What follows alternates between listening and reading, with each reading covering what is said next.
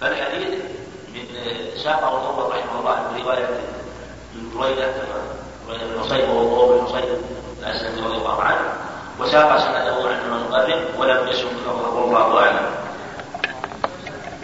نعم.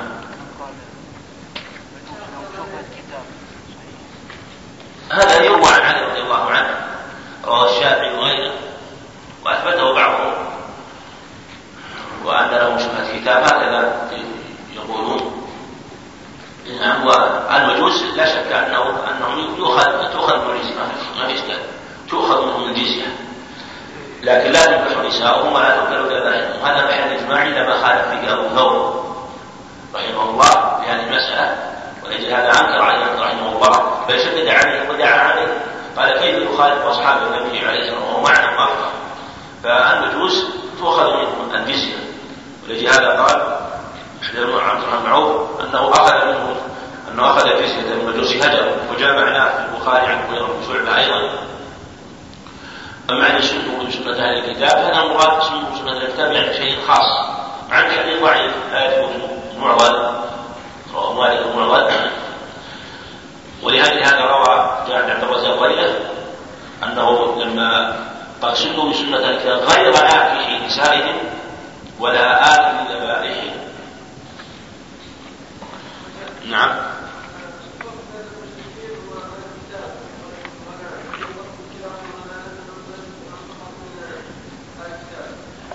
الجزء يعني في خلاف ما في خلاف كثير من العلم. اما أما الفرق الأول فاهل الكتاب أهل الكتاب عندهم شرك لكن شرك مقيد ولهذا ميز الله أهل المشركين الكتاب في آيات كثيرة.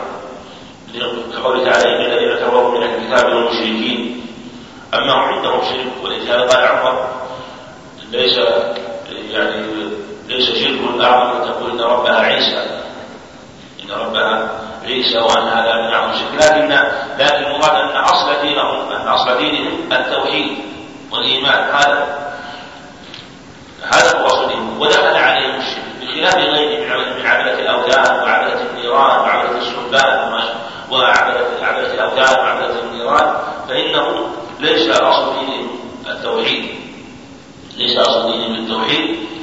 إلا ما قيل من المسلم عندهم شبهة كتاب وما اشبه فلأجل هذا قالوا إنهم عندهم آه، إن أصل التوحيد ودخل عليهم الشرك ولأجل أن المشركين بهذا الوصف وأن شركهم وأن كفرهم أعظم وأشد من قال انها تؤخذ؟ قال في هذه العلة. والمسألة فيها خلاف كما قلنا. ابن القيم رحمه الله بحث اول الادله في هذا كثيرة ومعلومة. في معلومه ما نريد المطيل بذكرها ومن قال انها تؤخذ احتج بهذا الحديث احتج بهذا الحديث وان في عموم المشركين وقال ان آية الجزية التي نزلت وإن كان هو عليه السلام يأخذ المشركين لكن لأن الجزية ما نزلت في العام التاسع سنته في عام تبوك وقد أسلم عبد المشركين ودخل اليهود واليهود واليهود قد عاهدهم عليه الصلاة والسلام ولم يأخذوا شيء لأنه قد عاهدهم قبل ذلك. ثم أخذ جزية من من كان وجودا من أهل الكتاب في ذلك الوقت. باب ما جاء في الإقسام على الله.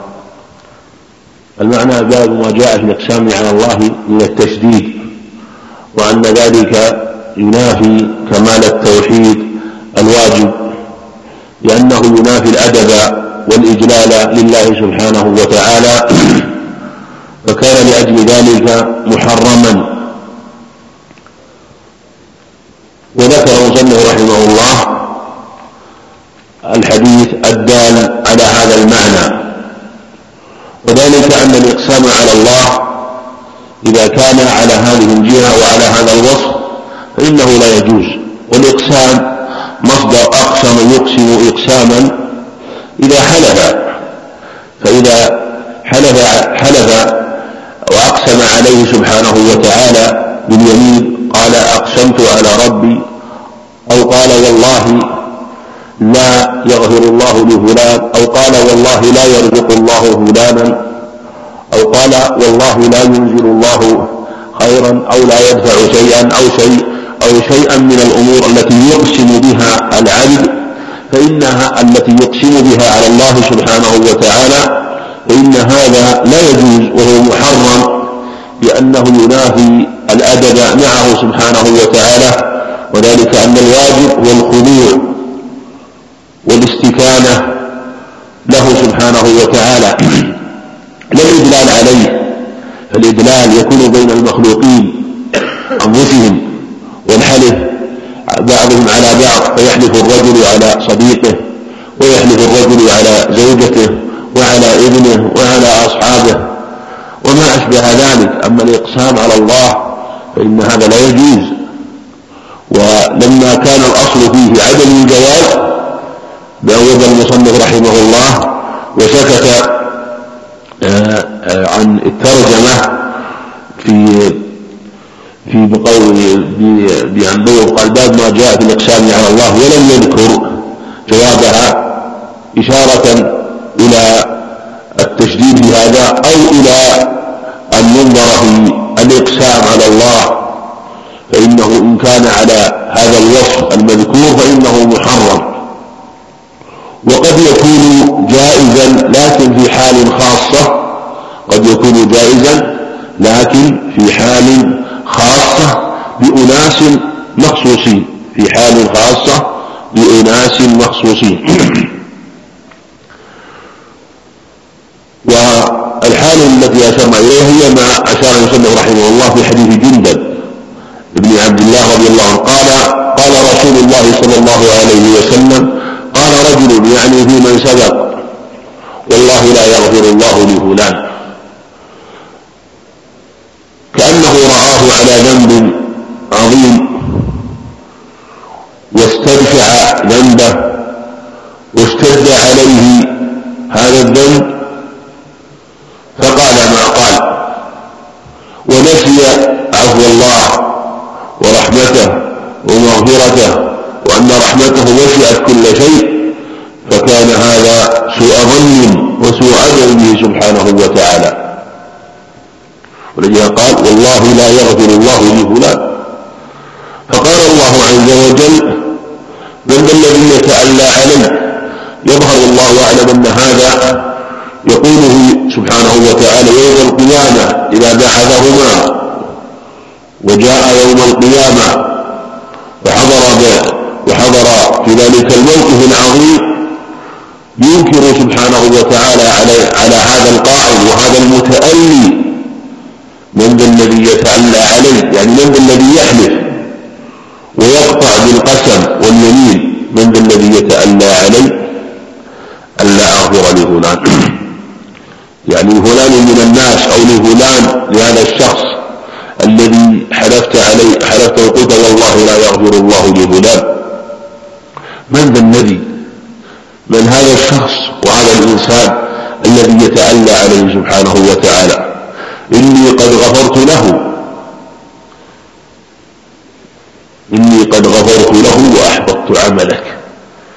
وذلك أنه تكلم بكلام عظيم أوجب إحباط العمل.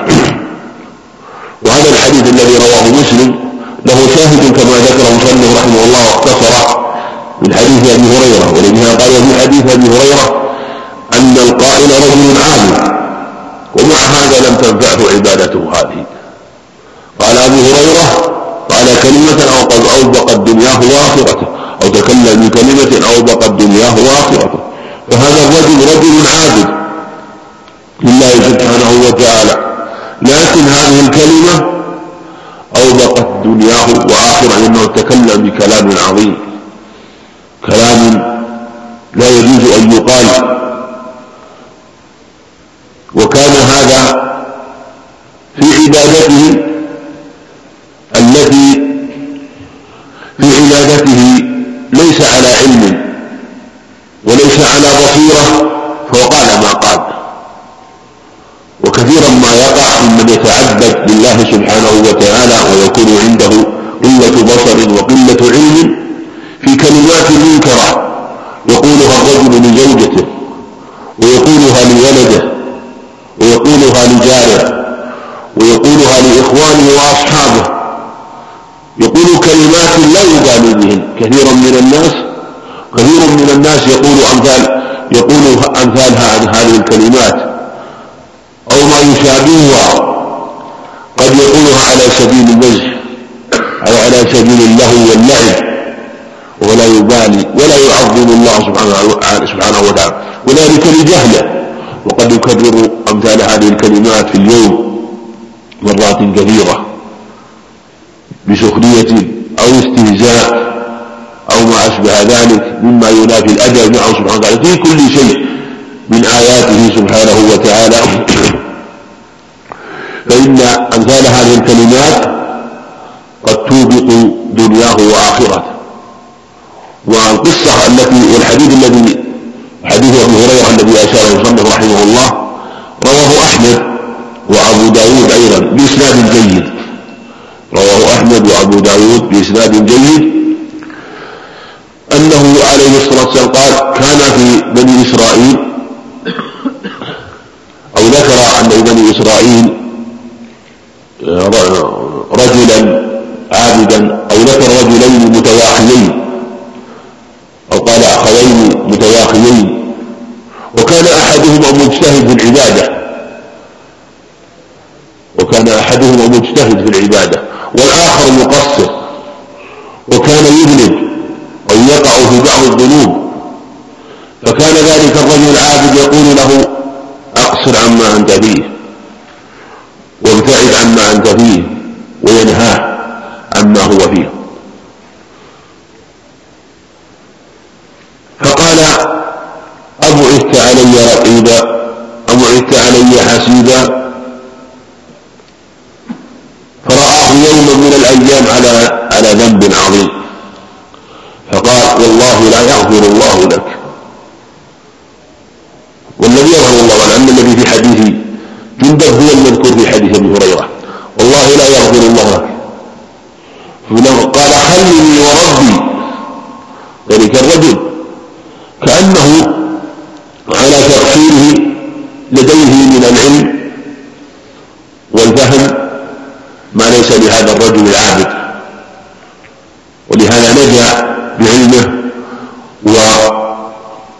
وذلك هلك بجهله فقال فقال الله سبحانه وتعالى لهما قال من ذا الذي يتألى علي أو قال أين ذلك الرجل يتألى علي ثم قال إني قد غفرت له وأحبطت عملك نحو من حديث ذكر نحو من حديث جندب هذا رضي الله عن الجميع. في هذا في هذين الخبرين أن الإقسام عليه سبحانه وتعالى على هذا الوصف لا يجوز. وقد أشرنا إلى شيء من هذا فيما من سبق عند قوله عليه الصلاة من سأل بالله فأعطوه. وأشرنا إلى مسألة الإقسام على الله والإقسام على الله على ما جاء في هذه الأخبار لا يجوز. إذا كان على هذه الجهة وهذا الوصف فإنه لا يجوز وهو محرم. ويمكن أن يقص أن يكون الإقسام على الله على ثلاثة أنواع. الأول إقسام بمعنى الحجر والمنع على الله سبحانه وتعالى.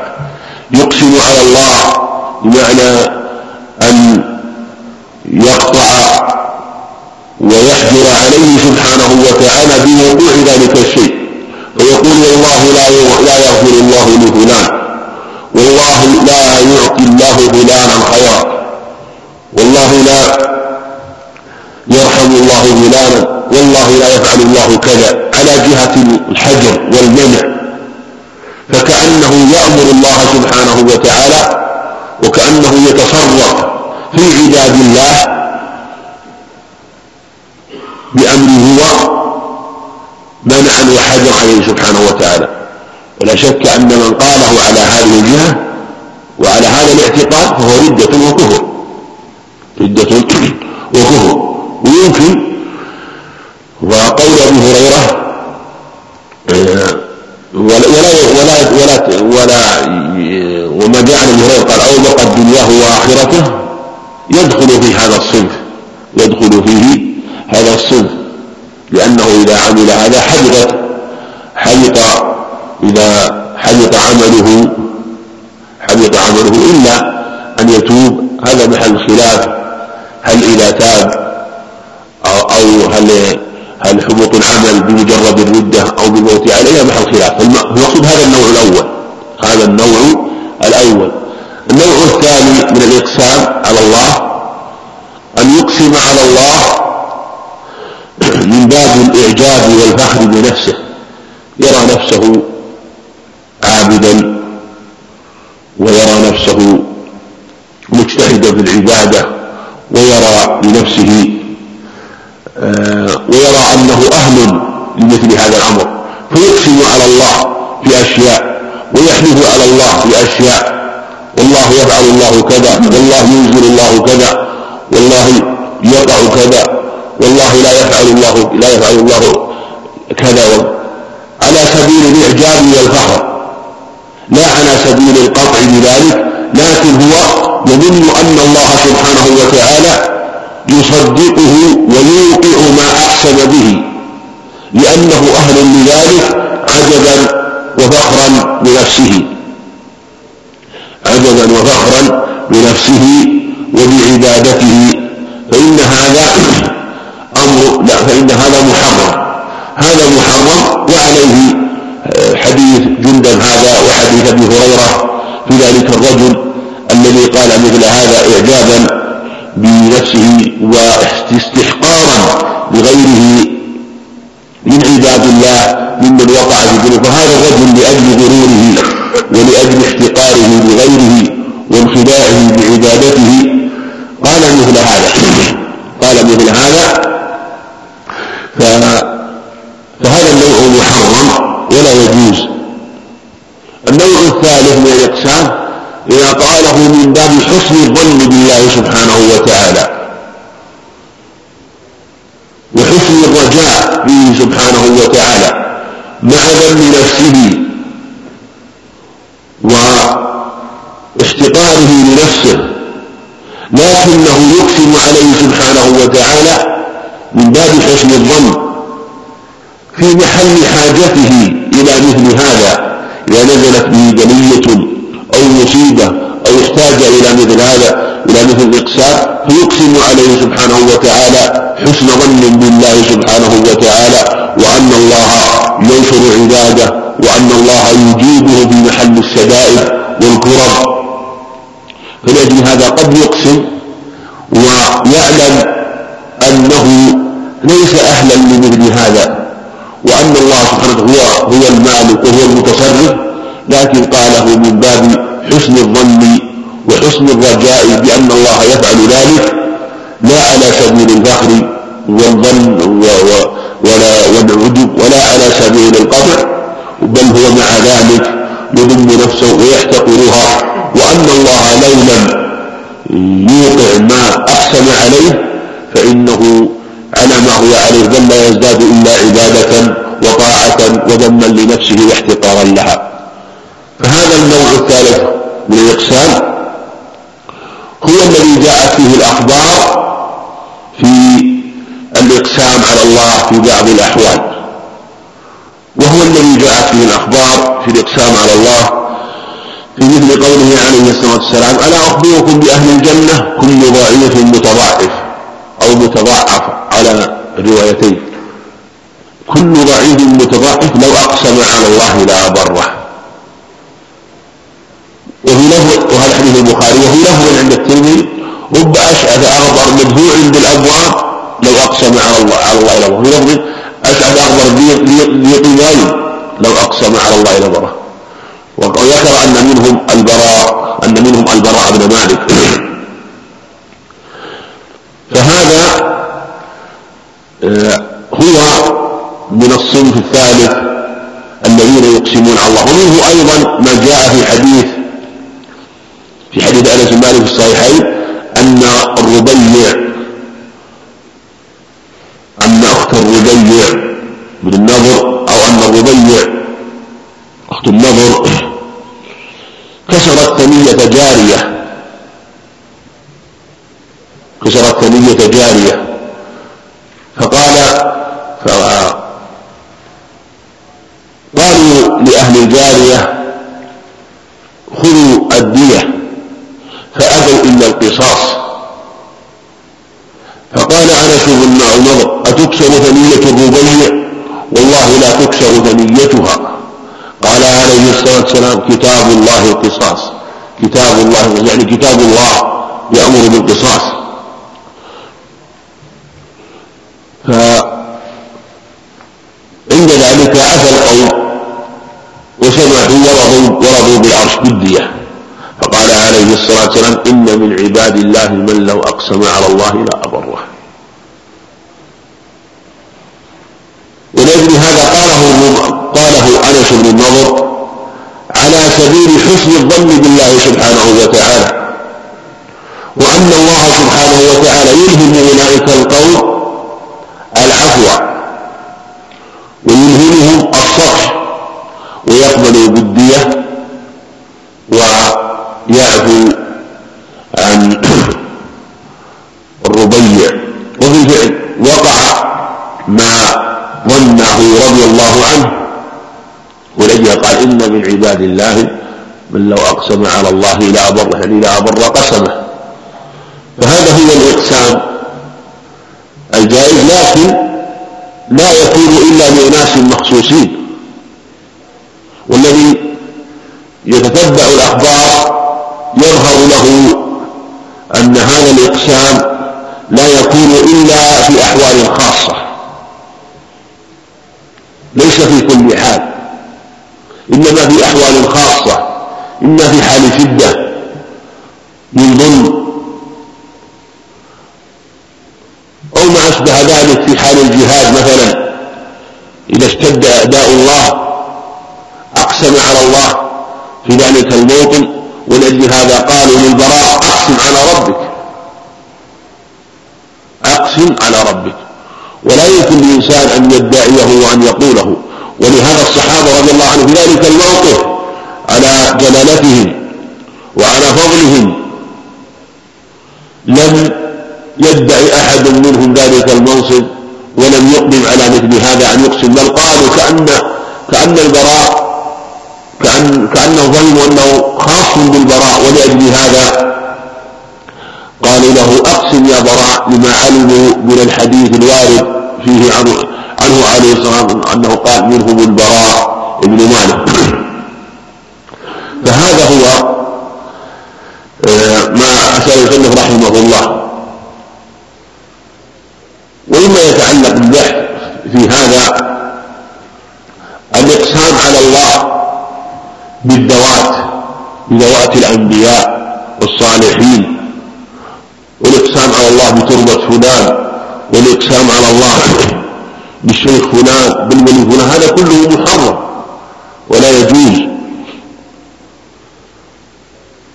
إذا كان القسم بهم محرما فكيف الإقسام بهم على الله؟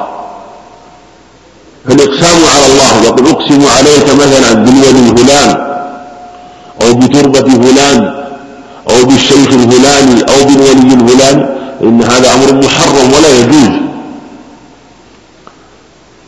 وإذا كان القتل حلف به أمرا محرما فالإقسام به على الله أشد وأشد في التحريم أو يقسم على الله أو يقسم على شخص بشخص يقسم على رجل من الناس يقول اقسم عليك بتربة فلان أو بالولي الفلاني كما يقع ذلك من كثير من المبتدعة لأنه يظن أنه من أقسم بفلان فإنه لا يمكن يرد قسمه فأقسم عليه بفلان فإن هذا لا يجوز ومنه أيضا القسم بغير الله القسم بغير الله بخلاف سؤال الله بذوات الأنبياء والأولياء فإن هذا السؤال بذوات الأنبياء و السؤال بذوات الصالحين أيضا هو بدعة ولا يجوز على الصحيح لكن ليس ليس كالقسم بهم ولأجل هذا أشبه على ولأجل هذا لما اشتبهت هذه المسألة على بعض الناس ظن جوازها وظن أنه لا بأس بها. وظن أنه لا بأس بها. فإنها أيضا لا تجوز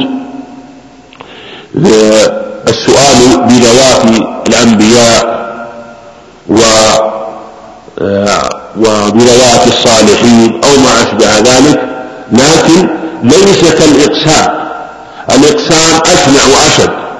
لهذا ذهب بعضهم إلى جواز السؤال بذوات الأنبياء والاستشفاء بذواتهم في بعض الأحوال كما قال بعض أهل العلم إن صح الحديث في ذلك الرجل الذي لما في حديث ذلك الرجل الأعمى وهذا محل بحث ليس هذا موضع ذكر فيما يتعلق بذلك الحديث وبثبوته وإن كان الحديث ثابت لكن له التوسل بذاته عليه الصلاة والسلام ليس ثابتا وليس موجود وليس صحيحا. فإن هذا لا يجوز لكن الإقسام على الله الإقسام على الله بذاته أشد وأعظم أشد وأعظم. لأن الإقسام فيه قطع وجزم وحجر على الله وإن وكأنه لزام أما السائل بالذات فإنه متضرع يسأل الله سبحانه وتعالى ويستفيد ويسأله سبحانه وتعالى قد تقضى حاجته وقد لا تقضى حاجته وهو يظن ذلك. لكن نقول إن إن إن الدعاء والعبادة أمور توقيفية لا تجوز إلا من في في سؤاله ودعائه سبحانه وتعالى فمثل هذا الدعاء دعاء مبتدع ولا يجوز كما هو قول جمهور العلماء والله أعلم.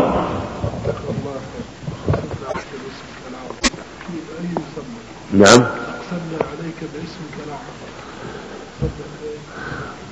لا هذا هذا وكذلك أقسمنا عليك المشروع أن تقسم به سبحانه وتعالى. ما تقسم عليه بأي شيء. أن تقسم به سبحانه وتعالى.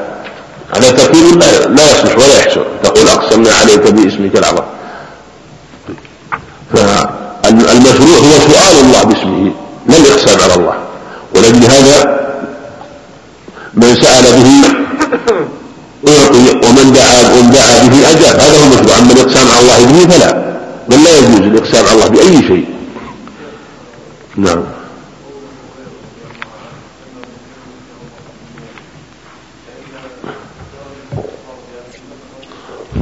الله أعلم. يعني هذا. لكن كأنه الله أعلم. يعني أنه لما أنه الحديث هذا فيه في من سبق وليس في الحديث أنه كفر أو أنه كفر بهذه الكلمة وهذا في من سبق وكان وكان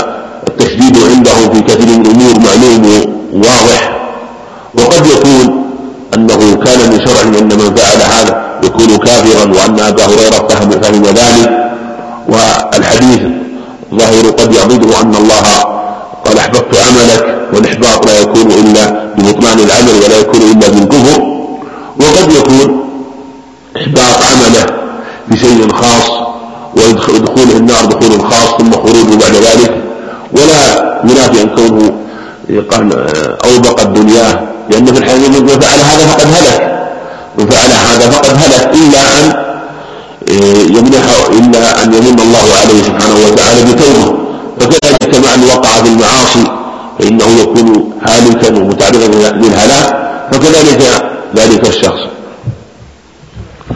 نعم.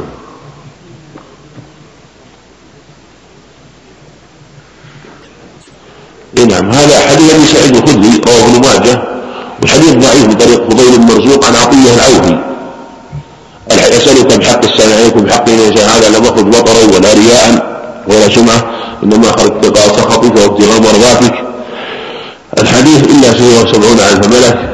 فالحديث لا يصح لا يصح. ولو صح فهو في الحقيقة سؤال سؤال الله بالأعمال الصالحة. ليس سؤال الله ليس هو ليس فيه سؤال سؤال الله بذوات الصحيح. أسألك بحق السائل. حق السائلين الإجابة وحق المعصين الإثابة فهو سؤال لله سبحانه وتعالى بالأعمال الصالحة. هذا هو تأويله. فأسألك بحق السائلين عليه السائل حقه الإجابة وبحق من سأل هذا والماشي حقه الإثابة وهو يسأل الله سبحانه وتعالى بالأعمال الصالحة. فهو من جنس حديث ابن عمر الصالحين الثلاثة الذين سألوا الله سبحانه وتعالى بأعمالهم الصالحة. ذاك سأل الله ببره لوالديه والثاني سأل الله بعفته عن الحرام والثالث سأل الله سبحانه وتعالى برده الأمانة في ذلك الأجير الذي استأجره فسألوا الله سبحانه وتعالى بأعمال صالحة. فهذا من جنس هذا. إذا وسؤال الله بالأعمال الصالحة أمر مطلوب ومشروع.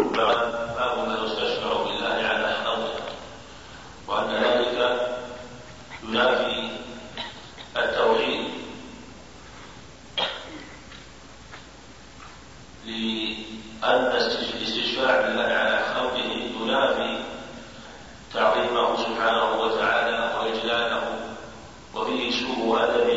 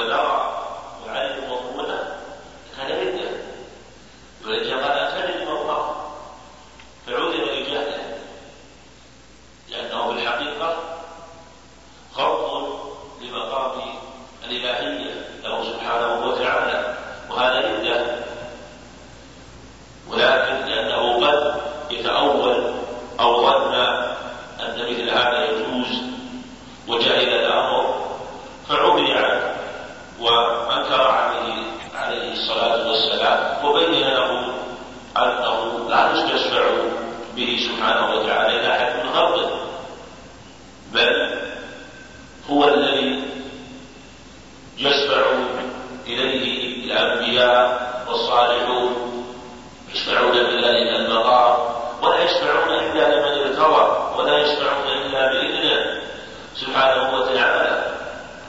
فقد يأذن لهم وقد لا يأذن لهم ولا تكون إلا بإذنه عن الشافع ورضاه سبحانه وتعالى عن المشفوع فله